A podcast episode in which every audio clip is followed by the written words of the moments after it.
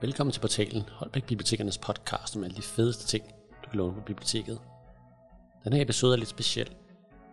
For den 10. november 2023 afholdt det meste af Holbæk en fantasy-dag fra kl. 16 til kl. 20, hvor der blandt andet blev afholdt forfattertalks på Holbæk Bibliotek.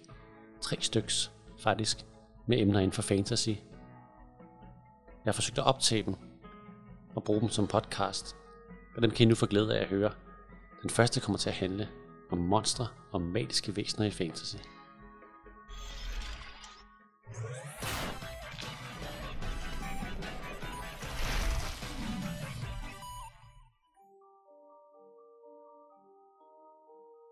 Fantasy er en ret bred genre med utallige subgenre, hvor der kommer nye til hver år. Det er svært at finde det klassiske eksempel længere på ridderen, der skal ud og dræbe dragen, men til gengæld er der kommet ret mange nye og spændende tiltag. At dele magien i forskellige skoler eller grene er en idé, der tit giver plads til en mindeværdig verden med en anledning til mange flere historier. Så kan det hele også starte med en fejlbesværgelse.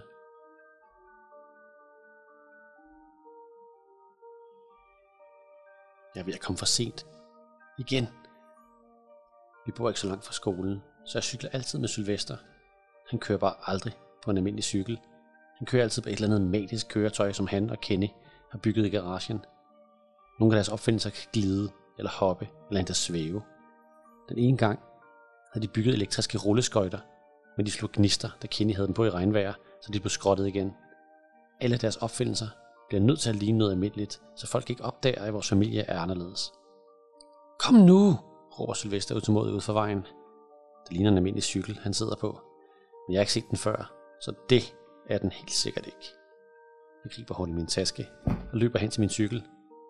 Den er der ikke noget magisk ved. Jeg tonser efter ham, men indhenter ham først ved skolens cykelstativ.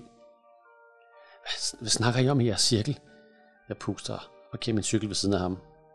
Om alt det magi, vi kan eller gerne vil kunne, svarer Sylvester og kommer mod døren til skolen. Hvad laver I af magi? Fortsætter jeg og følger efter. Det ved du jo godt, vi ikke må fortælle. Alt, hvad der sker i en cirkel, er hemmeligt. Ah, du kan vel godt fortælle mig. Lad nu være med at spørge hele tiden, afbryder han. Du vil aldrig fortælle mig noget, svarer jeg og sparker til en lille sten. Okay. Vil du gerne se noget af det, jeg øver mig på, så? Ja, svarer jeg. Han stiller sig foran mig. Nu, her, spørger jeg og kigger mig nervøst omkring. Vi står lige foran døren til skolen. Skolegården er tom, og vi er ved at komme for sent. Han vifter hurtigt hånden mod mig og løber indenfor. Jeg kan ikke se noget. Hvad gjorde du? kalder jeg og løber efter ham. Skynd dig at finde et spejl, griner han, og forsvinder op ad trapperne mod sit klasseværelse. Jeg kan ikke nå ned på toilettet nu. Men jeg kan se mig selv lidt i dørens glasrude. Jeg ser ud som jeg plejer. Kedelig og lidt bleg. Jeg har en lille spids næse og smalle læber. Jeg mærker efter på min hud. Han har sikkert givet mig en kæmpe bums eller sådan noget. Jeg kan hverken se eller mærke noget. Psst, visker jeg og går videre. Han løj sikkert. Han har ikke lavet nogen magi. Så håber han, at jeg står foran et spejl den næste time for at se, hvad han har gjort. Eller fejler hans besværgelse for en gang skyld, tænker jeg med et lille smil og træder ind ad døren. De fleste i klassen sidder og snakker, imens vores dansklærer Brit er ved at råbe op. Rea, råber hun.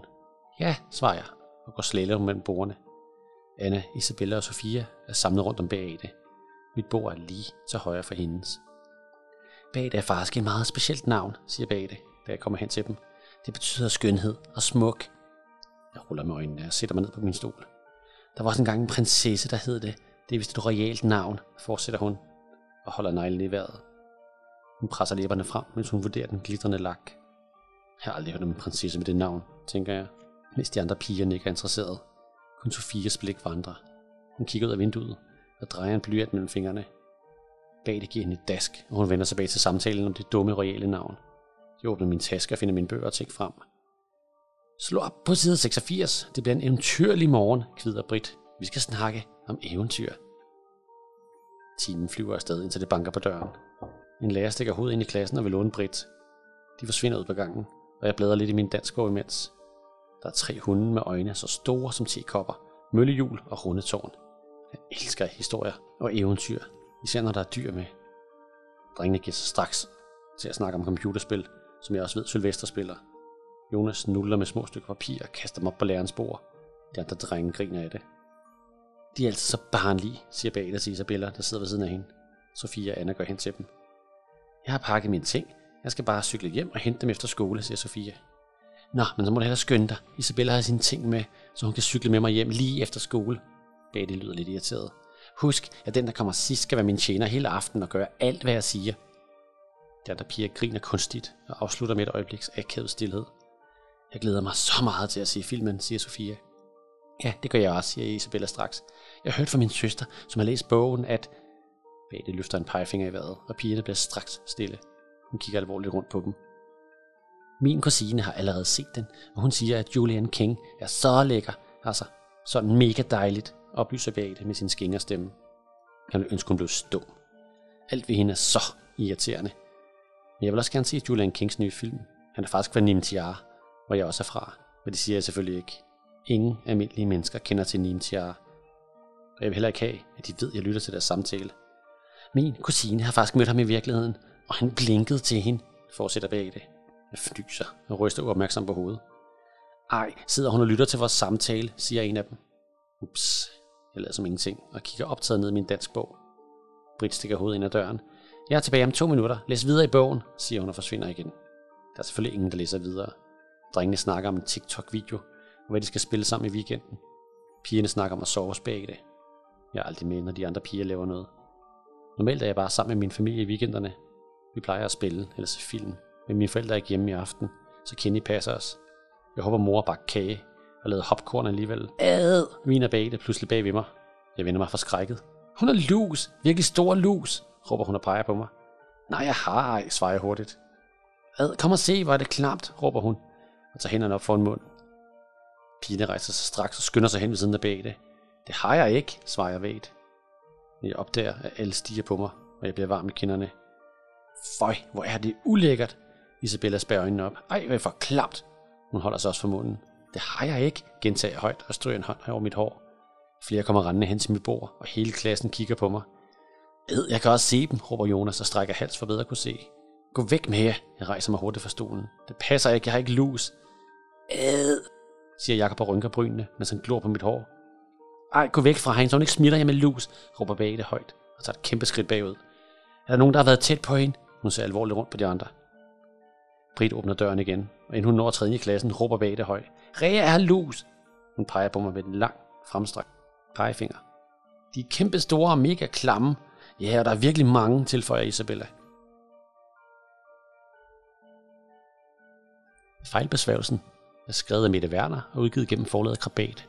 Kan læses for cirka 10 år. Det handler om fantasy, magi og monstre. I fejlbesværgelsen findes der en verden ud over vores, der hedder Nimtiara. Her der findes der masser af magiske væsener og monstre, og de fleste mennesker, der bor der, har magiske kræfter. Rea, hun kommer fra den verden, men har endnu ikke fundet sin egen magi. Hun bor på jorden sammen med sine forældre og sin irriterende bror, og hun har det ikke let. Hun har ikke nogen venner, hun har ikke nogen kæreste, og hun har ikke noget livsdyr, ligesom så mange andre magibrugere, hun kender. I skolen der blev hun mobbet af klassens populære piger, der synes hun er kikset og hun lugter. Sylvester, hendes tvillingebror, er dog modsat hende populær i skolen og har ret godt styr på sin magi. Hendes storebror Kenny er også ret god og opfinder hele tiden nye spændende ting.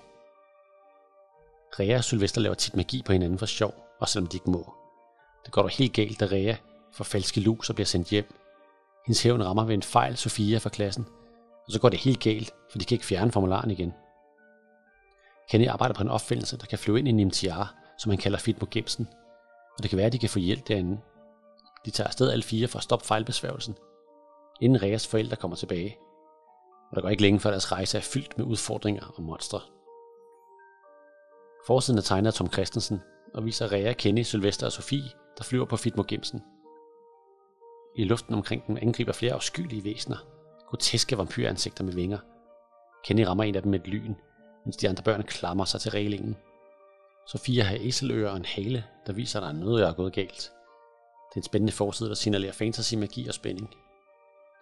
Fantasy-historie har en tendens til at bruge sjove udtryk og opfinde nye begreber, som ikke altid bliver godt forklaret, og kan efterlade læseren pænt forvirret.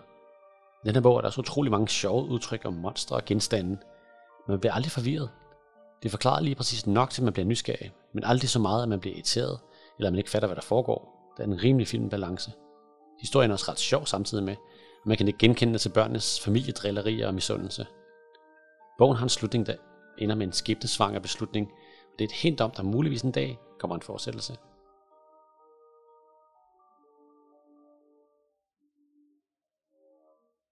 Blandt gys og fantasy sammen er altid en anledning til en god historie.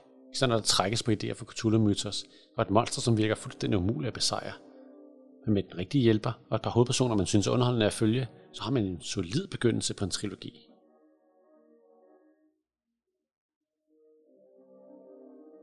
Amy og Nana klippet om hyggelig papir fra en stor notesblok ud i små firkanter med den sløve køkkensaks, mens drengene skrev alle alfabetets bogstaver samt cifrene fra 0 til 10 med kuglepen på. De lavede også to ekstra sædler, en med ja og en med nej. Pigerne lavede en sirlig cirkel af små hvide firkanter på det lave sofabord, mens Alex tændte fyrfadslys rundt omkring i stuen. Det var som om temperaturen steg for hver lys, der blev tændt. Emmy slukkede det elektriske lys overalt i hytten, og sterinlysende skær kastede en varm orange glød på møblerne og børnenes ansigter. Det var både hyggeligt og ret spooky på samme tid. Emmy testede glasset. Det gled fint rundt på bordets chokoladebrune lakerede træ, dog med en svag skrabende lyd hen over de mange slidmærker og små riser. Hun tog glasset op i hånden, og med et forventningsfuldt smil og så på de andre. Okay, er I klar? Vi skal have fanget en ånd. Hun førte langsomt glasset rundt i luften, og klappede så hastigt den anden hånd på, som et låg. Hun bevægede sig afstadigt og ceremonielt hen mod sofabordet, og hun placerede glasset i midten af cirklen, mens hun omhyggeligt sørgede for, først i sidste øjeblik at fjerne hånden, der dækkede åbningen. Kom så, alle sætter en pegefinger på glasset, viskede Emmy. Hun fandt sin mest dramatiske mine frem og kiggede rundt på de andre med en finger hvilende på glassets bund. Anna og Alex rykkede nærmere og satte begge deres højre pegefinger på glasset. Simon tøvede lidt, men da han mærkede de andres blikke hvile på sig, rettede han ryggen og satte fingeren på glasbunden. Er der en ånd i glasset? spurgte Emmy med sin mest højtidlige stemme. Nana fnisede, og ret hurtigt fnisede Alex med, så deres fingre rystede glasset. Ej, stop så, I skal tage det seriøst, sagde Emmy og glødede på dem begge med smalle øjne. Da de to fnise sabotører var bragt til stillhed, gentog hun spørgsmålet. Er der en ånd i glasset? Nana og Alex gjorde deres bedste for at holde masken. Simon smilede ikke den mindste. Han kiggede nervøst rundt i de mørke afkroge af hytten med store øjne.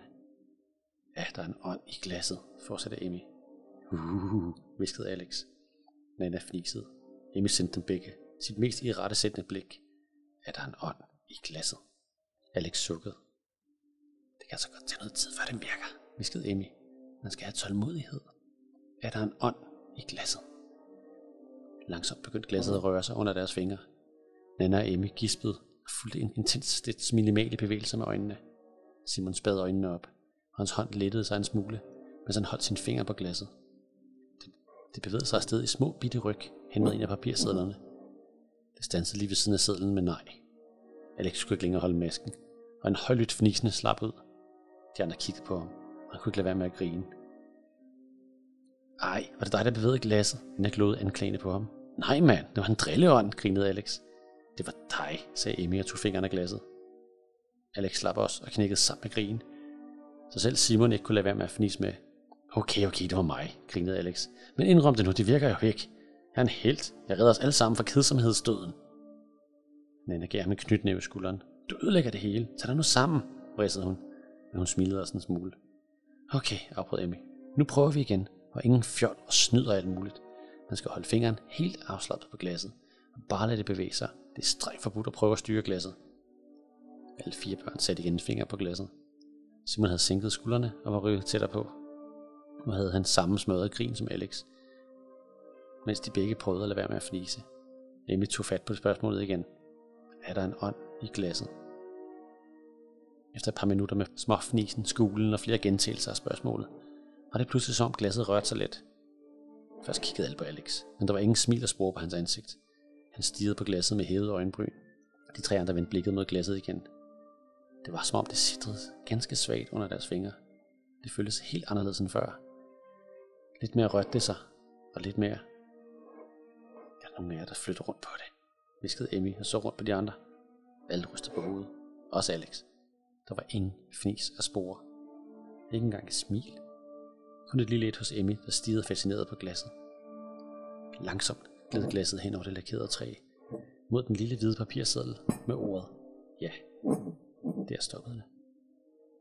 stillede ned sænkede sig over hytten som et tæppe. Mørkt og blødt og umuligt at kaste af sig.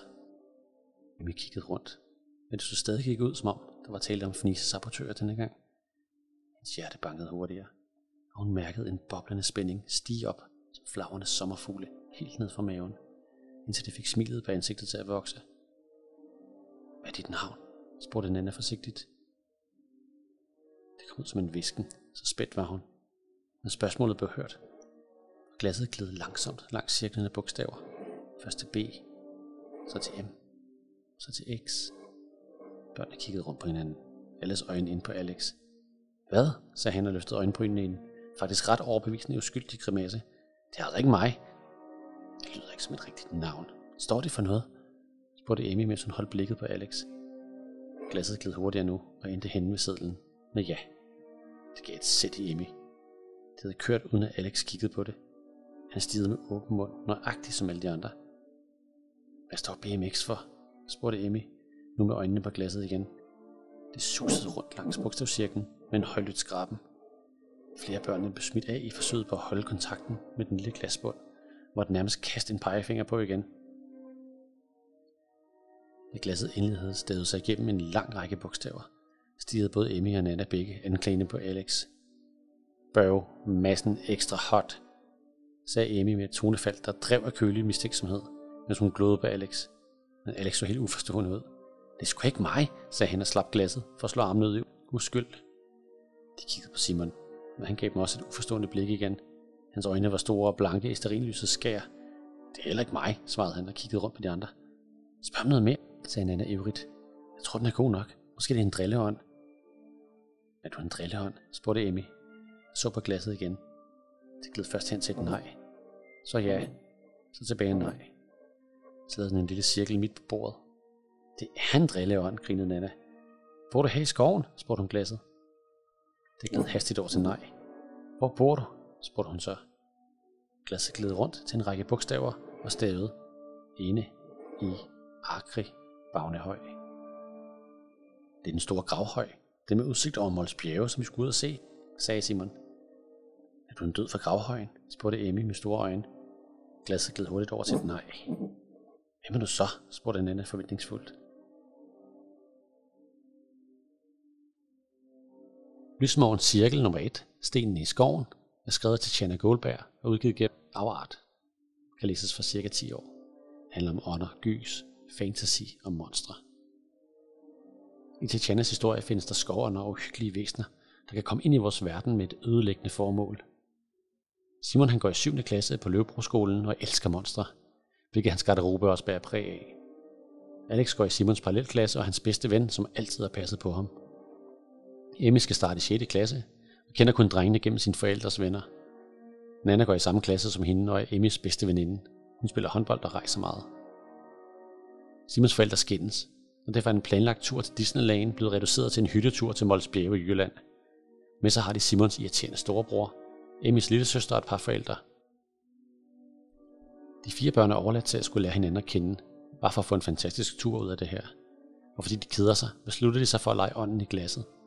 Overraskende nok får de beskeder fra den anden side omkring en cirkel med 12 sten ude i skoven. En de beslutter sig at lede efter, da de skal ud og samle brænde dagen efter. Dagen oplever de noget mystisk, og noget kommer fra skoven for at få fat på dem. Noget, som ikke er menneskeligt. En ondskab skabt af tentakler og mørke. Tatjana illustrerer selv sin bog, og det giver de sort-hvide billeder lidt mere sjæl. Hun ved præcis, hvordan de fire hovedpersoner skal tegnes, og er ret god til at vise deres følelser. Tegningerne er stemningsfyldt og til tider uhyggelige. Der er både små billeder og billeder, der fylder hele sider.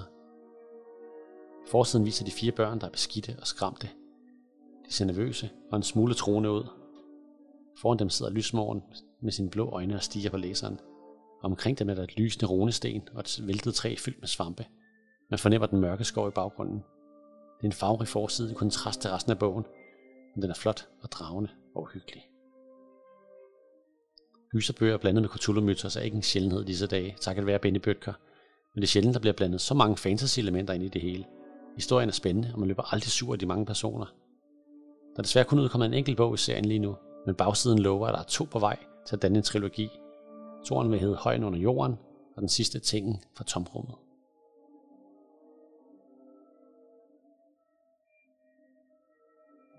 En af de mest ultimative monstre, der er blevet brugt i utallige historier, savn og myter af djævlen selv. Nogle tror, han findes, andre tror, han er rent fantasi, men uanset hvad, er han altid kilde til en fantastisk historie.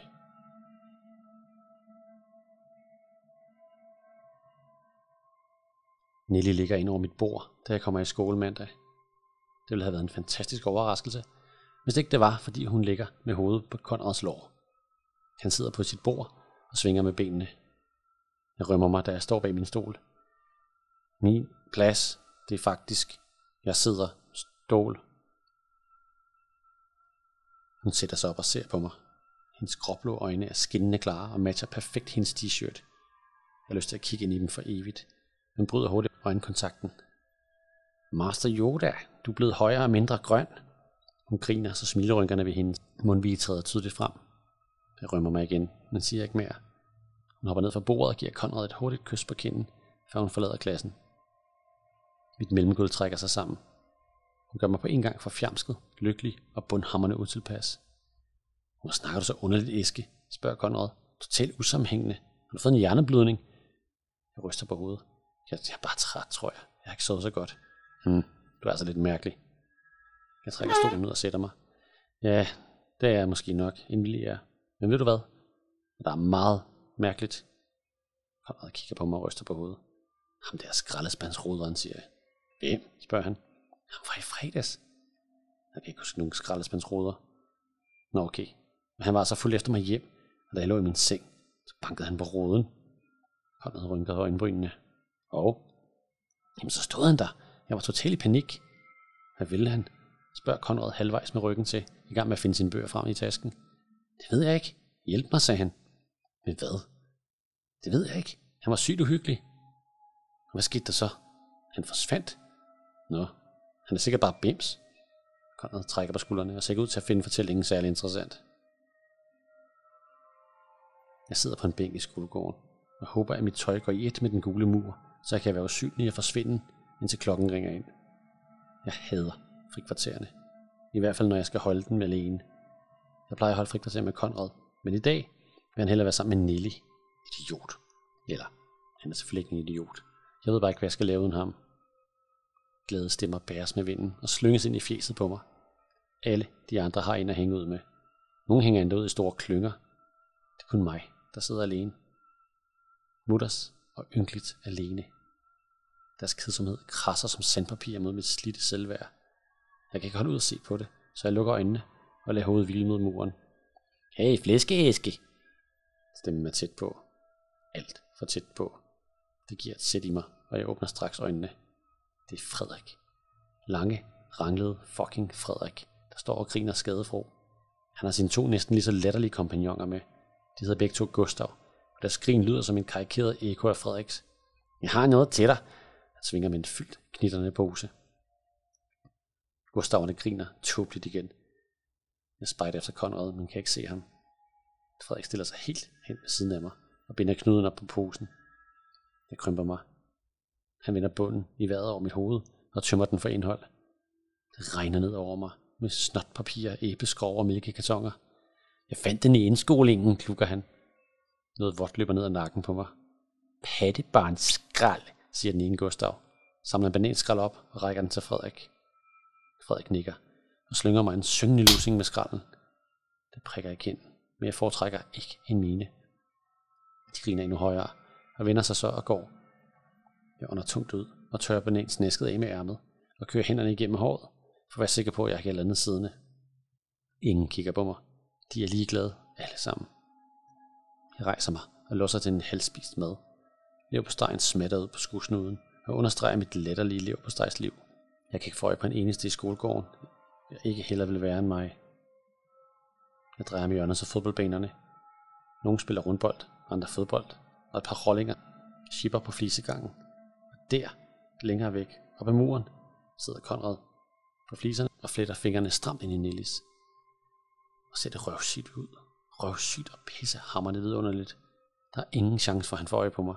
Han ser kun på hende. Eskild, visker hans stemme. Ikke mere nu, Frederik, sukker jeg og dukker hovedet en smule. Psst, Eskild. Kommer stemmen fra en anden retning. Jeg drejer mig mod lyden, men der er ikke nogen. Herover, Eskild. Jeg vender mig forvirret, men der er stadig ingen. Psst, siger den. Jeg snor en omgang og scanner området. De nærmeste er mindst 10-15 meter væk fra mig. I legehuset, siger stemmen. Legehuset? Der skulle ikke nogen legehus her. Jeg kan kun komme i tanke om legehusen ud for børnehaveklassernes lokaler. Men de ligger helt nede i den anden ende af skolens område. Er det noget, jeg forestiller mig? Kom nu, Eskil. Legehuset nu. Jeg kigger mig om en ekstra gang og går så afsted langs skolen. Jeg er ved at blive vanvittig. Jeg går langsomt, da jeg passerer Konrad og Nelly. De ser mig ikke, men jeg ser dem. For helvede, hvor jeg ser dem.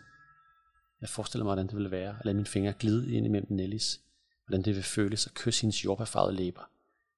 Når jeg lukker øjnene, er det næsten, som om det er virkeligt. At det er mig, der sidder i forårssolen hånd i hånd med Nelly.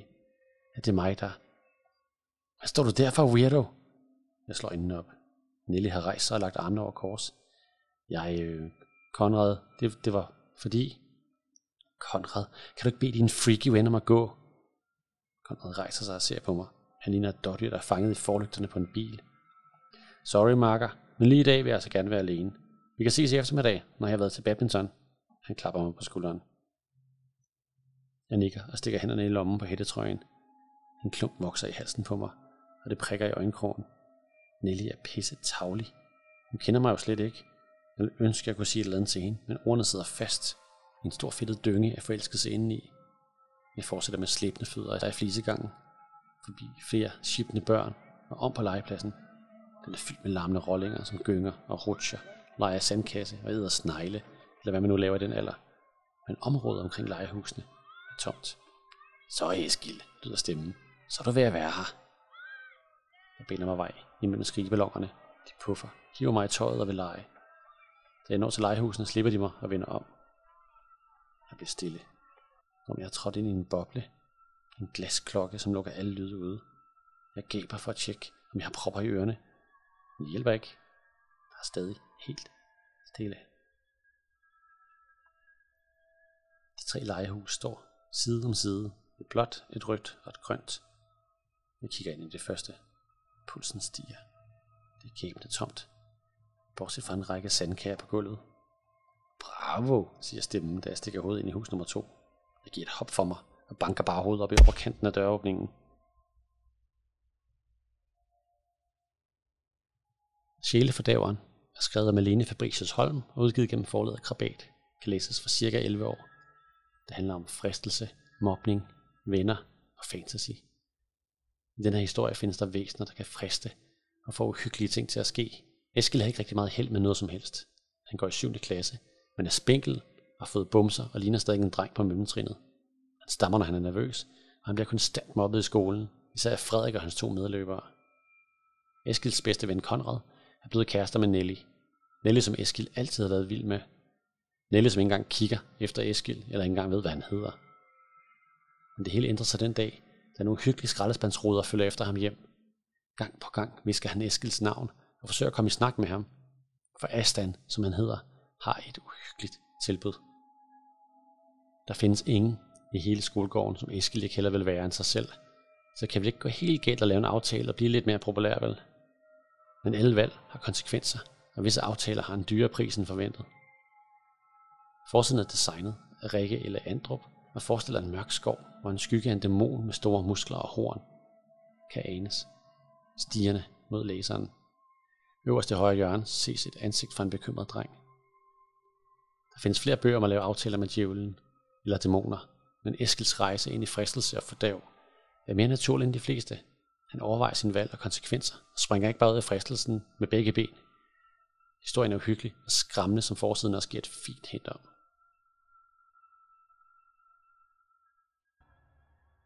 Hallo. Så er der øh, lyd igennem, og øh, vi starter med vores første forfattersamtale, så ikke vi kommer til skade derude. Og vi er simpelthen så heldige i dag, at vi er op til at live for første gang, det der hedder Portalen, som er holdt af bibliotekernes podcast. Med alle de fedeste ting, man kan låne på biblioteket. Og fordi det er fantasy i dag, så skal vi jo snakke om fantasybøger i dag. Og øh, jeg har faktisk lige tre paneler med hele otte forfattere, der er forbi for at snakke om deres øh, fantasybøger. Og jeg hedder Bjarne Norberg Petersen og er vært på portalen også i dag. Og vi har rigtig mange første gang i dag. Det er første gang nogensinde, vi har publikum på. Det er første gang, at øh, jeg ikke kan slette, hvis jeg siger noget dumt. Det er første gang, at vi har en forfatter, der er på to gange, og så en dag i træk. Så øh, jeg vil gerne præsentere første panel, som skal snakke om det, der hedder monstre og magiske væsener her den næste halve time. Første forfatter hedder Mette Werner. Hun er uddannet multimediedesigner, arbejder som superskurk. Hun er aktuel lige nu med The Mix og den fantasy-roman, der hedder Fejlbesværgelsen, der står hernede. Vi skal også passe på, hvad I siger til hende, for hun skyder rent faktisk med pistol i weekenden, og hun kan godt ramme. Så har vi Tatjana Goldberg. Hun er illustrator, også med sine egne bøger. Hun er forfatter, og så er hun børnepsykolog. Hun har udgivet bøger om at tegne sin egen monster, bare den, de sidder lige sådan herovre. Det er ret fedt. Og så er hun aktuelt med Lysmogens Cirkel, Stenen i skoven. Stenen er i skoven, og flere. Så har vi Malene Fabricius Holm, som var faktisk med på teksten. Det tror jeg bare, den her kan jeg høre. Malene Fabricius Holm, der var med på teksten om krimi. Hun er uddannet bankrådgiver og underviser i teater på en ungdomsskole. Hun er faktisk aktuelt lige nu med Sjælefordaveren, som kun er en uge gammel. Og det er de bøger, vi skal snakke om i dag med monstre. Men lad os starte med første spørgsmål, som er, hvorfor skal man have monstre med i en fantasy-historie? I er velkommen til at svare det. Øh, altså noget, nu er man noget af det fede ved fantasy, det er netop, at man kan øh, lege lidt med grænserne for, hvornår noget er et monster, og hvornår det ikke er. Eller i fantasy kan man være venner med et monster, eller man kan være et monster. Det er jo sådan noget af den genre kan, som andre genre ikke. Jeg skruer lige lidt op. Så smart Vores vært er lige smuttet. Han kommer igen om lidt. Vores vært er over op. Han kan godt høre mig. Okay, nu. okay, test. Ja, er den bedre nu? Ja. Yes, det tror jeg. Ja, altså jeg har valgt at have monster med i nogle af mine historier. Jeg bruger det også i mine tegneserier, fordi øh, jeg rigtig godt kan lide monster. Og jeg er stor monsterfan, og jeg popper dem ind med vilje, fordi jeg elsker dem. Og jeg kan godt lide mange slags monstre. Jeg kan lide de klamme, jeg kan lide de hyggelige, jeg kan lide de sjove. Og det er min primære motivation for at have det med i min fantasy også. At den, altså den fantasy-serie, der er Lysmorgens Cirkel, bliver egentlig næsten sådan semi-børnegys og semi-fantasy på én gang, fordi jeg får proppet nogle af de her monstre ind. Og det synes jeg bare er meget sjovt at lege med genren på den måde. Jamen, øh, jeg synes, det er spændende at have monstre med, fordi der ikke er de samme regler og love for monstre, som der er for os. Vi kan ikke overholde nogen regler. Vi kan bare, øh, vi kan bare lege med det, ligesom vi har lyst til. Det var måske, jeg havde til folk. Har I et øh, monster, der er inspireret af jer, hvis du skal skrive fantasy-historier med monster? For I er alle sammen monster med på en eller anden måde i jeres historier. Men er der et eller andet monsterfilm, eller en monster computerspil, eller et eller andet, der, hvor I har set og tænkt, wow, det kunne jeg bare godt tænke mig at skrive om? Ja, nu sidder jeg med mikrofonen, så nu vil jeg svare først. Øhm, jeg har faktisk et monster, som der er, det hedder en volat.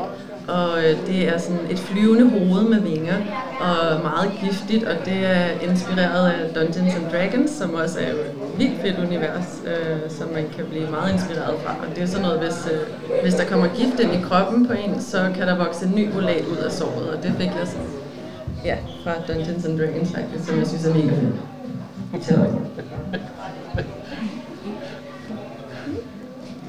Ja, jeg tror især, at jeg er inspireret af science fiction. Jeg har meget inspiration fra film som Alien, The Thing, den type genre.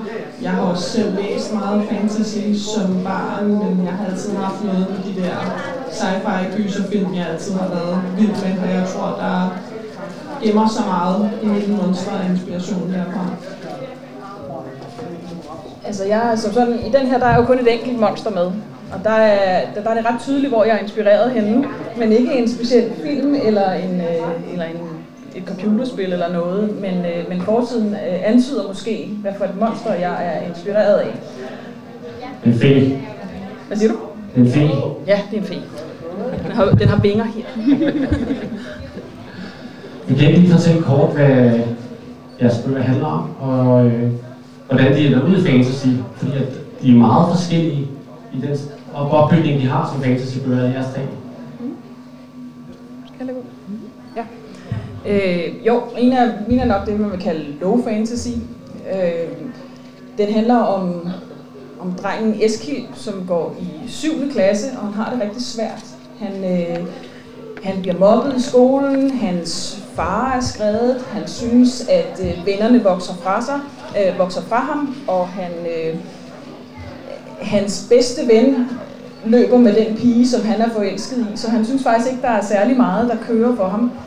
Så, øh, så da, han i dag, øh, da han i dag møder den her øh, lidt skumle skraldespandsruder faktisk, som det starter med at være, øh, som tilbyder ham, øh, han, han begynder faktisk at stalke ham lidt til at starte med, kan man sige, men, men da han endelig får ham i tale, så tilbyder han ham, at, øh, at han kan fjerne alle de her problemer, han har, og han kan, han kan gøre det hele godt for ham. Og, og selvom han synes, det er en lille smule skummel det hele, så, så ender han faktisk med at tage imod tilbuddet, for han tænker, hvad har jeg egentlig at miste? Så han ender faktisk med at tage imod det her tilbud. Øh, og det virker. Øh, alt bliver godt. Men, øh, men så vil ham her, Aston, som han hedder, han vil have sin betaling. Det koster det ikke gratis. Og så er det bare spørgsmålet, om det er prisen værd øh, for Eskild at beholde det her gode liv, han har fået. Ja, øhm, og altså min fejlbesværgelse er der faktisk hele 13 monstre med. Men det er ikke en monsterbog, sådan rigtigt. Det er mere en bog om veninder og øh, søskende sammenhold og øh, magi og øh, der er nogle rigtig gode værdier i den, så, og så er den pakket ind i en masse spænding og monstre og øh, jeg kan godt se, at der er mange nu, hvor jeg tæller dem. Men det var egentlig ikke tiltænkt som den monsterbog til at starte med. Det blev det bare. Og din øh, historie er så lidt speciel, fordi det, de starter jo lidt i vores verden. Ja. ja. Og så rejser de ind i en anden verden. Ja. Det er lidt det gennem Nordlyset. Ja, igennem Aurora, så kan man komme til Nemtiar, som er den, den magiske verden, de kommer fra. Mine børn. Ja, min øh, lysmål cirkel er den her, der står hernede. Den handler om de fire børn, man kan se på forsiden, som øh, går i skole sammen. Nogle af dem går i parallelklasser, og de er egentlig ikke venner fra starten af. De bliver rodet lidt ud i det, fordi at deres forældre tager på en øh, hyttetur i Jylland sammen, og skal have sådan en dejlig mobilfri uge, hvor man ikke øh, må have skærm og sådan noget, og så ender de en aften med at spille ånden i glasset og så bliver de rodet ud i noget med væsener fra andre verdener, der krydser over ind i vores verden gennem nogle portaler. Øhm, og der er også en masse monstre selvfølgelig, som så krydser over, og der kommer flere af dem i løbet af de næste bøger. Og så ender det også med de her børn som fra den anden verden, som får sådan nogle lidt sære magiske kræfter. Så det er også der temaerne for bogen. Ja. En af de ting, der blev mærket, da jeg læste, var nemlig, at du sagde selv The Thing, at øh, det, det, det monster, der dukker op, som først er bare sådan i skyggerne, man er i tvivl om, hvad hedder, er et monster. Og når vi leger om i klassen, så er det ikke sådan normalt den her dæmoniske ånd, de møder, men derimod møder han RC måske, og, og nogle andre, nogle skovånder. Øh, hvordan kom du væk fra den der standard ånd i klassen med dæmoner? Altså, jeg skulle finde et eller andet fundament til det her. Jeg havde en masse gode idéer til nogle monstre og til den her fortælling, men jeg ville godt bygge det op på et eller andet fundament, og der endte jeg så med at vælge noget traditionelt sådan keltisk mytologi og væsener derfra, og det gør det lidt nemmere at finde på monstre og holde det sammenhængende, fordi jeg så kan gå tilbage og læse i keltisk mytologi, hvad der er væsener og blive inspireret af det. Så det er rigtig meget den slags magiske væsener og og monstre, jeg bruger, hvor jeg så giver det mit eget twist, fordi jeg bruger det ikke nøjagtigt sådan, som det er i mytologien, men blander det jo så med nogle af mine inspirationskilder, som også er computerspil. er der helt af Call of Cthulhu et sted? Ej, jeg tror, jeg har været mere på sådan noget som øh, Dead Space og Fallout og sådan noget ting. Så, ja. Men en af dine øh, bog og dine monstre, er nok det, man kalder det ultimative ondskab. Ja. Hvor, øh, hvad gør man, hvis man møder øh, sådan en skraldespandsruder der, og, og lige pludselig får et tilbud? Hvis man er Eskild, så tager man imod det jo.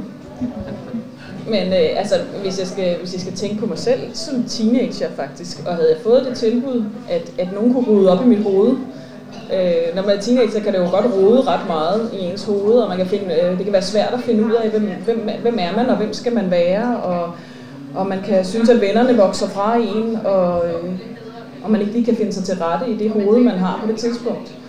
Hvis der var kommet, hvis der var kommet en til mig på det tidspunkt i mit liv, øh, måske nogle, på nogle af de dage, hvor det så rigtig sort ud, så kan jeg da ikke udelukke, at jeg havde taget imod det samme tilbud, som Eskil havde gjort, fordi det lyder nemt, og det lyder dejligt. Og hvis ikke man føler, man har noget at miste, det gør Eskil i hvert fald ikke, føler, at han har noget at miste på det tidspunkt i hans liv, så vil man tage imod det. Der er i hvert fald en betaling i bogen, som øh, gav mig guldbysninger. Mm. Og øh, alt har en pris, øh, men øh, bliver Eskild nogensinde glad for sin valg? Der er tidspunkter, hvor han er glad for sit valg. Uden at rykke for meget. Og navnet på det monster, øh, han hedder, han hedder Astan. Ja. Øh, er det et navn, du selv har fået på, eller? Ja. Det er et navn, jeg selv har fuldstændig fundet på ud af den blå luft. Ja, det er det. Og så kan man jo se, om der, er nogle lighedstræk med noget som helst. Hvis vi springer til nogle monster, der ikke er lige så øh, farlige måske, eller er det så med det i din uh, historie, er der noget, der hedder heksariner. Ja, der er noget, der hedder heksariner, men det er jo, den er jo meget farlig. De er faktisk farlige. De er ikke samme niveau som Aston, kan jeg godt øh, afsløre, men... Øh. Altså man kan sige, hvor at Aston faktisk kan tilbyde noget relativt godt, så har mine monstre sjældent nogle, altså andet end smerte og undergang, tror jeg, at, at bøde på.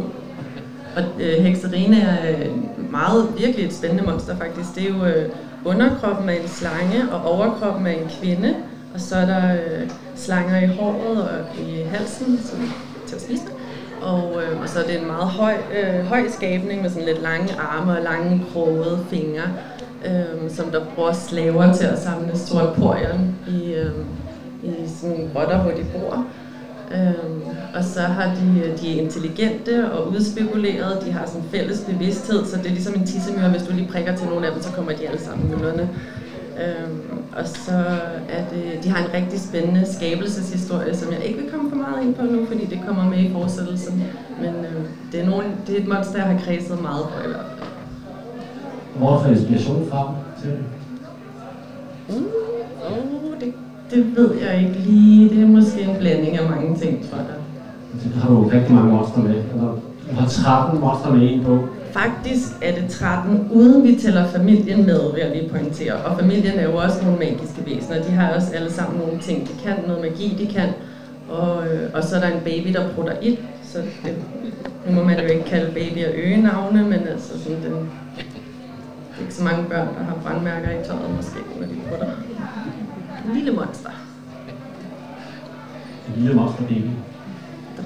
Hvis vi nu springer til nogle af de gode væsener, der er med. Mm din øh, verden findes der noget, der hedder livsstyr. Ja. Hvad er det?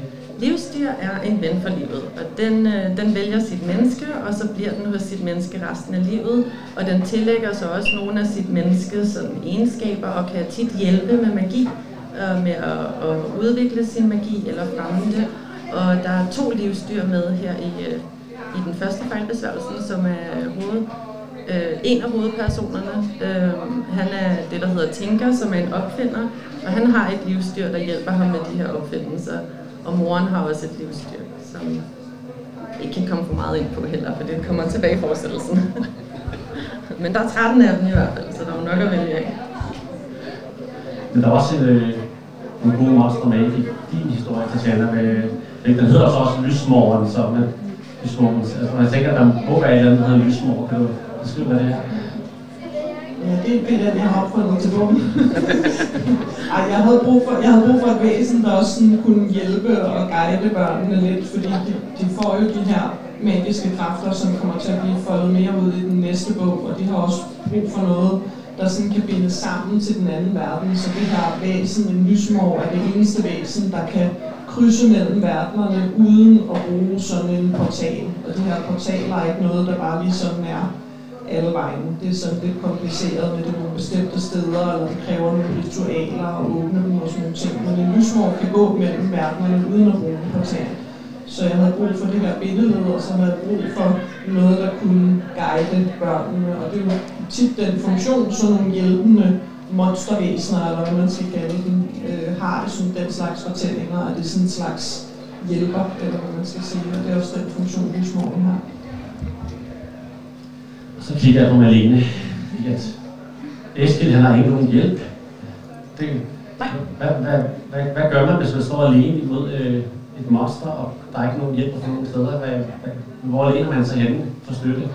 Han, han ved dårligt heller selv, hvad han skal gøre. Øh, han, er egentlig, han er egentlig ret fortabt i det her. Men, men, men han, har jo, han har jo en god ven, som faktisk også rækker ud efter ham og, og støtter ham lidt. Øh, og støtter ham og prøver at støtte ham mere, end Eskild egentlig tager imod. Så, så det, er, det er nok mest ham, han, han læner sig til. Til at hvor du tegner din egen øh, historie. Mm. Er, der er ikke så mange forfattere, der gør og har mulighed for. Hvad, hvad, kan, hvad gør det ved din historie, at, øh, at du selv kan få lov til at gå ind og nørde, eller tegner du før du fortæller den? Mm. Altså, jeg har det lidt med at, at tegne figurer, inden jeg bygger en fortælling op om den. Det har også lige haft nogle workshops om her i dag med nogle 7. klasser, hvor jeg forklarede dem om den måde at arbejde på, hvor jeg lidt får idéer ved at skabe nogle visuelle billeder, og så bygge noget op omkring dem. Og så synes jeg, at illustrationer er ret fedt til bøger til børn og unge, fordi det gør, at jeg for eksempel kan springe nogle af de der lidt akavede fyldbeskrivelser op, hvor man er nødt til ligesom at skrive, at øh, så børstede hun sit røde hår og kiggede på sine blå øjne i spejlet og rettede på den hvide bluse, altså, altså hvor man er nødt til sådan, fordi man skal forklare, hvordan hovedpersonerne ser ud, og jeg har sådan selv synes, når jeg læste børne- og ungdomsbøger, det blev hurtigt sådan lidt akavet, fordi man kan godt se, at den beskrivelse er der for, at jeg skal vide, hvordan personen ser ud, og det kan komme til at fylde, og det kan blive kedeligt, og det kan jeg bare tegne. Det er smart, smart. Så behøver jeg ikke. Altså selvfølgelig bruger jeg også beskrivelser af personerne, men jeg behøver bare ikke, det behøver ikke fylde så meget, fordi der kan være et billede af, hvordan det ser ud i stedet for. Så det er jeg ret glad for at bruge, bruge det på den måde. Jeg kan se, at du er optimistisk, at du allerede har skrevet 203 på, øh, på bagsiden som titler. Jeg har skrevet dem. Har skrevet dem? Ja. Det er bare mit forlag, der skal få dem trykt. kigger vi alle sammen derover. Toren er helt færdig og illustreret og hele, så den er på vej. Og træerne den er også... Øh, så jeg har sendt, jeg har sendt den. Har du sendt den til Thomas for din egen skyld? Jeg har ja, men det var Thomas, jeg sendte den. Jeg sender den til dig. Jeg springer videre til dig, Mette. Din øh, bog har sådan en slutning, øh, der får nogen til at kommentere, og jeg tænker, men den står der ikke noget om, der er en fortsættelse. Men... Nej, men jeg kan godt lide at trække spændingen lidt. men kommer der en fortsættelse? Ja, det gør der. Det gør der. Hvor langt er du kommet med den? Altså, ser det. Jeg har kommet lige til at skrive på noget andet imens. Det sker nogle gange. Men øh, den er jo...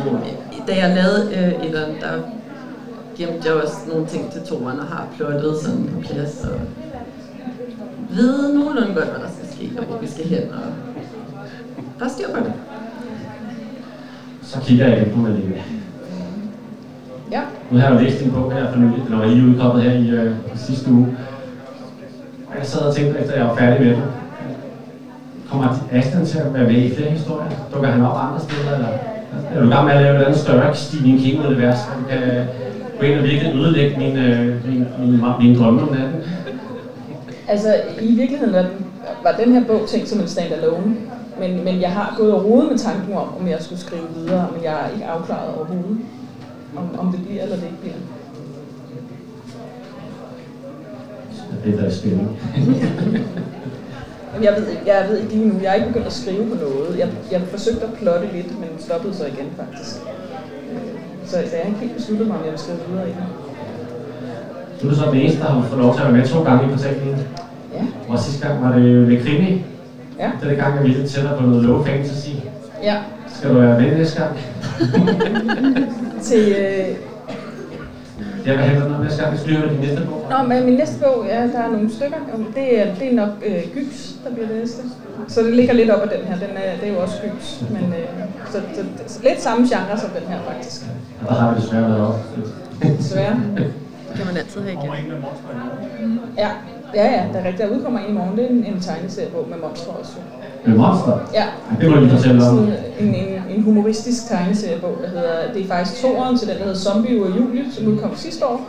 Øh, en tegneseriebog, nogle humoristiske, humoristiske tegneserier, hvor det er Christian Flodgaard Bak, som tegner øh, med sine fantastiske tegninger og illustrerer sådan nogle små humoristiske tegneserier. Den hedder så Til døden og skiller, og det er stadig monster sjov. Så ja, den udgår faktisk i morgen. Det er rigtigt. Men så du også udgivet andre bøger om monster. Der er en med at tegne monster, som øh, jeg er glad for, som ved siden af lige her. Hvordan er det at udgive en bog, hvor man faktisk lærer at tegne monster, eller lærer andre at tegne monster? Altså det er jo igen, kan jeg jo godt selv lide at tegne monstre og fortælle om det og sådan noget, så jeg har egentlig bare taget mine egne idéer og erfaringer, og så har jeg prøvet at give det sådan lidt next level, hvor det handler om karakterdesign, fordi jeg synes, der er så mange bøger om sådan det tegnetekniske, med, med sådan bygger du figurer op, og hvor man lærer at kopiere, og så tegne monstre på den måde, hvor jeg har ligesom lavet lidt mere sådan karakterdesign, hvor det handler om, hvordan får du idéer til at lave monstre. Så der fortæller jeg lidt om, hvordan jeg får idéer til det, og hvordan man kan hente inspiration forskellige steder, og hvad for en slags monstre, der findes, og sådan noget. Jeg tænker, den her med, det er brug for i hvert fald. Vi har lige sine monster der også. Kan ikke øh, Jeg tegner dem ikke så godt. beskrive nogle af dine øh, andre monster? Hvad er du tegner dem selv? Altså, kan lære. Du har 13 monster, og alle sammen er livsfarlige og giftige. Og, så. Jamen, der er jo lidt af det hele. Jeg vil sige, en af dem, jeg selv synes er rigtig spændende, det er, øh, jeg tror, han er beskrevet som en, øh, en lidt høj ranglet røver, øh, der har øh, grisetryne og et glasøje og en hale, og øh, han virker rigtig ond og, og led i bogen, og, øh, og jeg kan faktisk fortælle noget, jeg aldrig har fortalt før, engang til min redaktør, der står dernede, eller til forlaget, og det er, at øh, grunden til, at han har den her grisenæse, det er faktisk en, øh, det er fordi, man ikke kan stole på ham. Så det er både en advarsel, det er en besværgelse, der har gjort, at han har fået grisetrynen, og det er fordi, man ikke kan stole på ham. Han har brudt et løfte eller en aftale, så det er både en advarsel til andre og også en slags straf. Og han er meget sur over det her, og han kommer også tilbage i fortsættelsen. Så han er meget sådan, ja, han har en, øh, en god historie bag sig. En af dine andre monster er noget, der hedder skyggetagen eller Ja, skyggetaner. en skyggetaner. Og øh, der kommer så en helt faktisk til, at der måske i din historie faktisk findes et helvede og nogle dæmoner. Kan du beskrive den der? Skyggetaner er hentet direkte fra helvede og skal tilbage der til igen. Så deres levetid er kort, men de gør meget stor skade i den tid, de er her. Og det er kun meget kraftfulde, stærke troldmænd, der kan fremmane sådan en skyggetaner. Og de øh, kaster en, øh, en sort skygge ud, og, øh, og den eksploderer i sådan en røgsky, hvor der kravler en skyggetaner frem. Og hvis I kan forestille jer sådan armen af sådan en, øh, en ispik, en, øh, hvad hedder det, en hakke, så den sådan kravler hen over skibsdækket rigtig hurtigt, og får lige fat i hovedpersonen og forsvinder igen tilbage til helvede. Så de er rigtig svære at gøre noget ved, når de først er kommet, og de er bare ikke så rare med generelt. De kan også, sådan, de er som regel skaldede, og så kan de vende hovedet helt af og kigge op på personen. Det er meget uhyggeligt. Men det er en bog om veninder og venskaber, faktisk en, en god fortælling. med gode værdier. Så det lyder der værre end det er, kan jeg Ja, der er nogle også dramatiske væsener, vi kunne snakke om. Det nok ikke Ja, det er vi blevet fremhævet. Men øh, hvad er det, monster gør? Når man hører om monster, så tænker man jo noget, noget ondt eller noget stort. Monster Eller, kan jo mange ting. De kan jo, det kilder lidt i maven, fordi man bliver lidt bange, og alligevel er det jo også et, øh, i en bog, så vi tør jo godt, vi bliver jo ikke sådan rigtig, rigtig bange. Men det der med, at det lige kilder lidt, og man sådan, uh, jeg hørte noget mærkeligt ude i gangen, eller et eller andet, det synes jeg jo er en meget sjov øh, øh, følelse at lege med. Især her, jeg ved ikke hvorfor, men til efteråret synes jeg, det passer endnu bedre at læse lidt uhyggelige bøger, eller få nogle monster fra.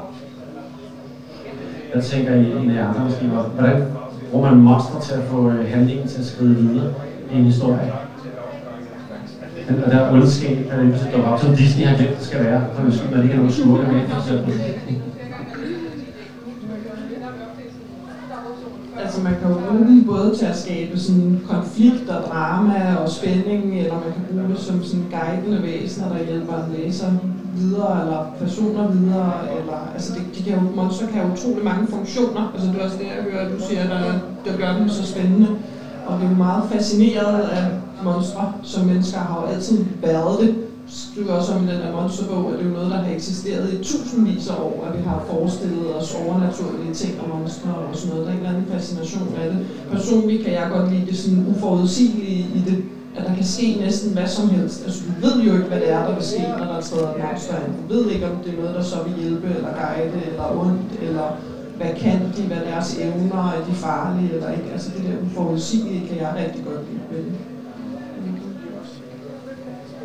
Jeg ved snart ikke, hvad jeg kan tilføje andet. Altså, jeg kan godt lide det der med, at, at, at monster kan være med til at prikke til, til uhyggen, skabe den der øh, uhyggelige stemning. Og, øh, og altså, i, i sjælefordaveren, der er det jo, kan man sige, Aslan et eller andet sted, der driver handlingen fremad med, med, de, øh, med de ting, som han lokker Eskil til at gøre.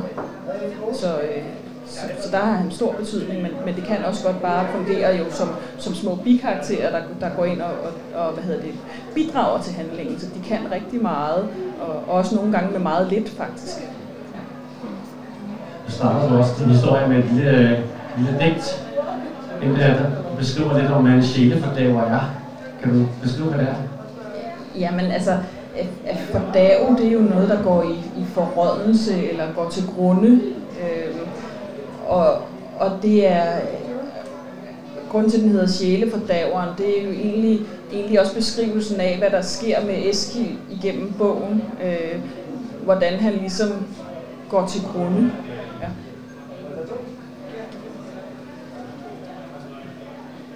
Jeg havde snart lidt at sige. jeg glæder mig til. Vi har også kun tre minutter tilbage. Øh, er der nogle monstre, som I tænker, I vil bruge i, øh, i nogle af jeres fremtidige bøger? Det er andet, man måske har hørt om, eller noget zombie måske, eller Godzilla, eller noget af det stil. Jeg tænker stadig uh, The Color Out of Space, måske, uh, eller sådan Er der noget på beding, I har, I har overvejet? Altså, jeg har noget, jeg har noget varv på beding. Ja. Så, det, så ja, det har jeg. Varulve? Ja. Altså, jeg, øh, mange, mange monstre. Jeg er helt vild med sådan Cthulhu-universet, øh, universet, og zombier kan jo også et eller andet, og jeg tror, det sådan kunne fortsætte, så det er måske bedre. Ja, og jeg, også nu, kan jeg høre, fordi jeg har sådan et Cthulhu-monster på vej. Ja. Det er først i den tredje bog, så det, jeg vil ikke uddybe det så meget, men som jeg sagde, jeg kan godt lide at mixe genre, så jeg får nok mixet både noget fantasy og noget gys, og så får jeg nok også mixet noget af den type af science fiction genre, som hører Lovecraft til, og det, det kommer også med fordi den anden verden har jeg skabt som sådan noget semi-fantasy, men også semi-science fiction, som i en anden dimension, eller hvad man skal sige. Ikke? Så ja, det er det, der på vej. Jeg fik måske også et hint, der så nummer 3 kom til at hedde. Mm. Hvis det er lidt nørdet, så kan man godt tænke, mm. mm. Må vi høre, hvad den hedder? Den hedder Tingen fra tomrummet. Spændende. Du har også valgt at have noget magi med. Mm. En slags... Øh, mm. hvad, hvad er det for en slags magi, de, øh, de bruger, de børn? Altså man kan sige, der er det igen sådan noget, der både låner fra fantasy og fra science fiction, fordi det er sådan en, en kraft, der hedder lyset, som øh, kan bruges både godt og ondt, og det læner sig jo op af sådan noget som Star Wars-universet for eksempel. Det her med, at man kan have sådan en slags magisk energi i sig, som både kan bruges til det gode og det onde. Så det bliver også et af temaerne i bogen, om nu alle børnene kan finde ud af at bruge det her på den rigtige måde. Eller er der måske nogen, der tænker, at det kunne jeg måske bruge til at hævne mig på nogle af dem der, der mobbede mig, og er det så den rigtige måde at bruge den slags kræfter på. Så sådan nogle ting bliver der også en masse omkring. Så ja. Og sammen med din øh, bog, Mette, du har jo også øh, magiske kræfter med, og det går virkelig galt igennem noget mobning og, øh, og, og tvillinger, der ikke, der ikke kan enes, og det går totalt galt. Skal du ikke beskrive det? Altså, øh, de kom, hvad, er det hvad, der kommer med i toeren, tænker du? Eller i fortsættelsen? Og der er, hvad, hvad der sker i den? Øh, jeg vil jo ikke afsløre alt for meget med deres magi, og deres, det er jo også lidt en rejse om at finde sin indre magi og sin, sin egen rødder. Men, øh, men de har jo nogle magier, som de udvikler igennem bogen, og bliver bedre til at hele tiden lære nye ting, og der er igen også øh, noget med det der med, at ens energi både kan være god eller ond, og at man kan vælge, hvordan man vil bruge den. Og de kan også mærke det på hinandens magi. Altså, der er sådan en ilitanitsten, som der kan holde magisk energi, og hvis jeg så giver min til en anden, så kan hun så mærke min energi, om den er egentlig overvejende god eller, eller ond. Så kan man blive lidt afsløret måske. Og Eskild, han har bare tabt. ja. ja. til fucking Men, øh, men det er deres øh, stop øh, episoden om monster og menneskelige væsener, og sige mange gange tak til, til Tjana og Mette og Malene, og give dem en hånd.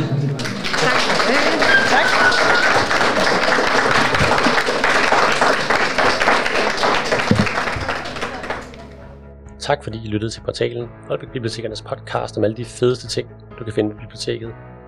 Din vært var Bjarne Nordberg Petersen, og jeg håber, du vil lytte igen til næste udsendelse. Tak for i dag.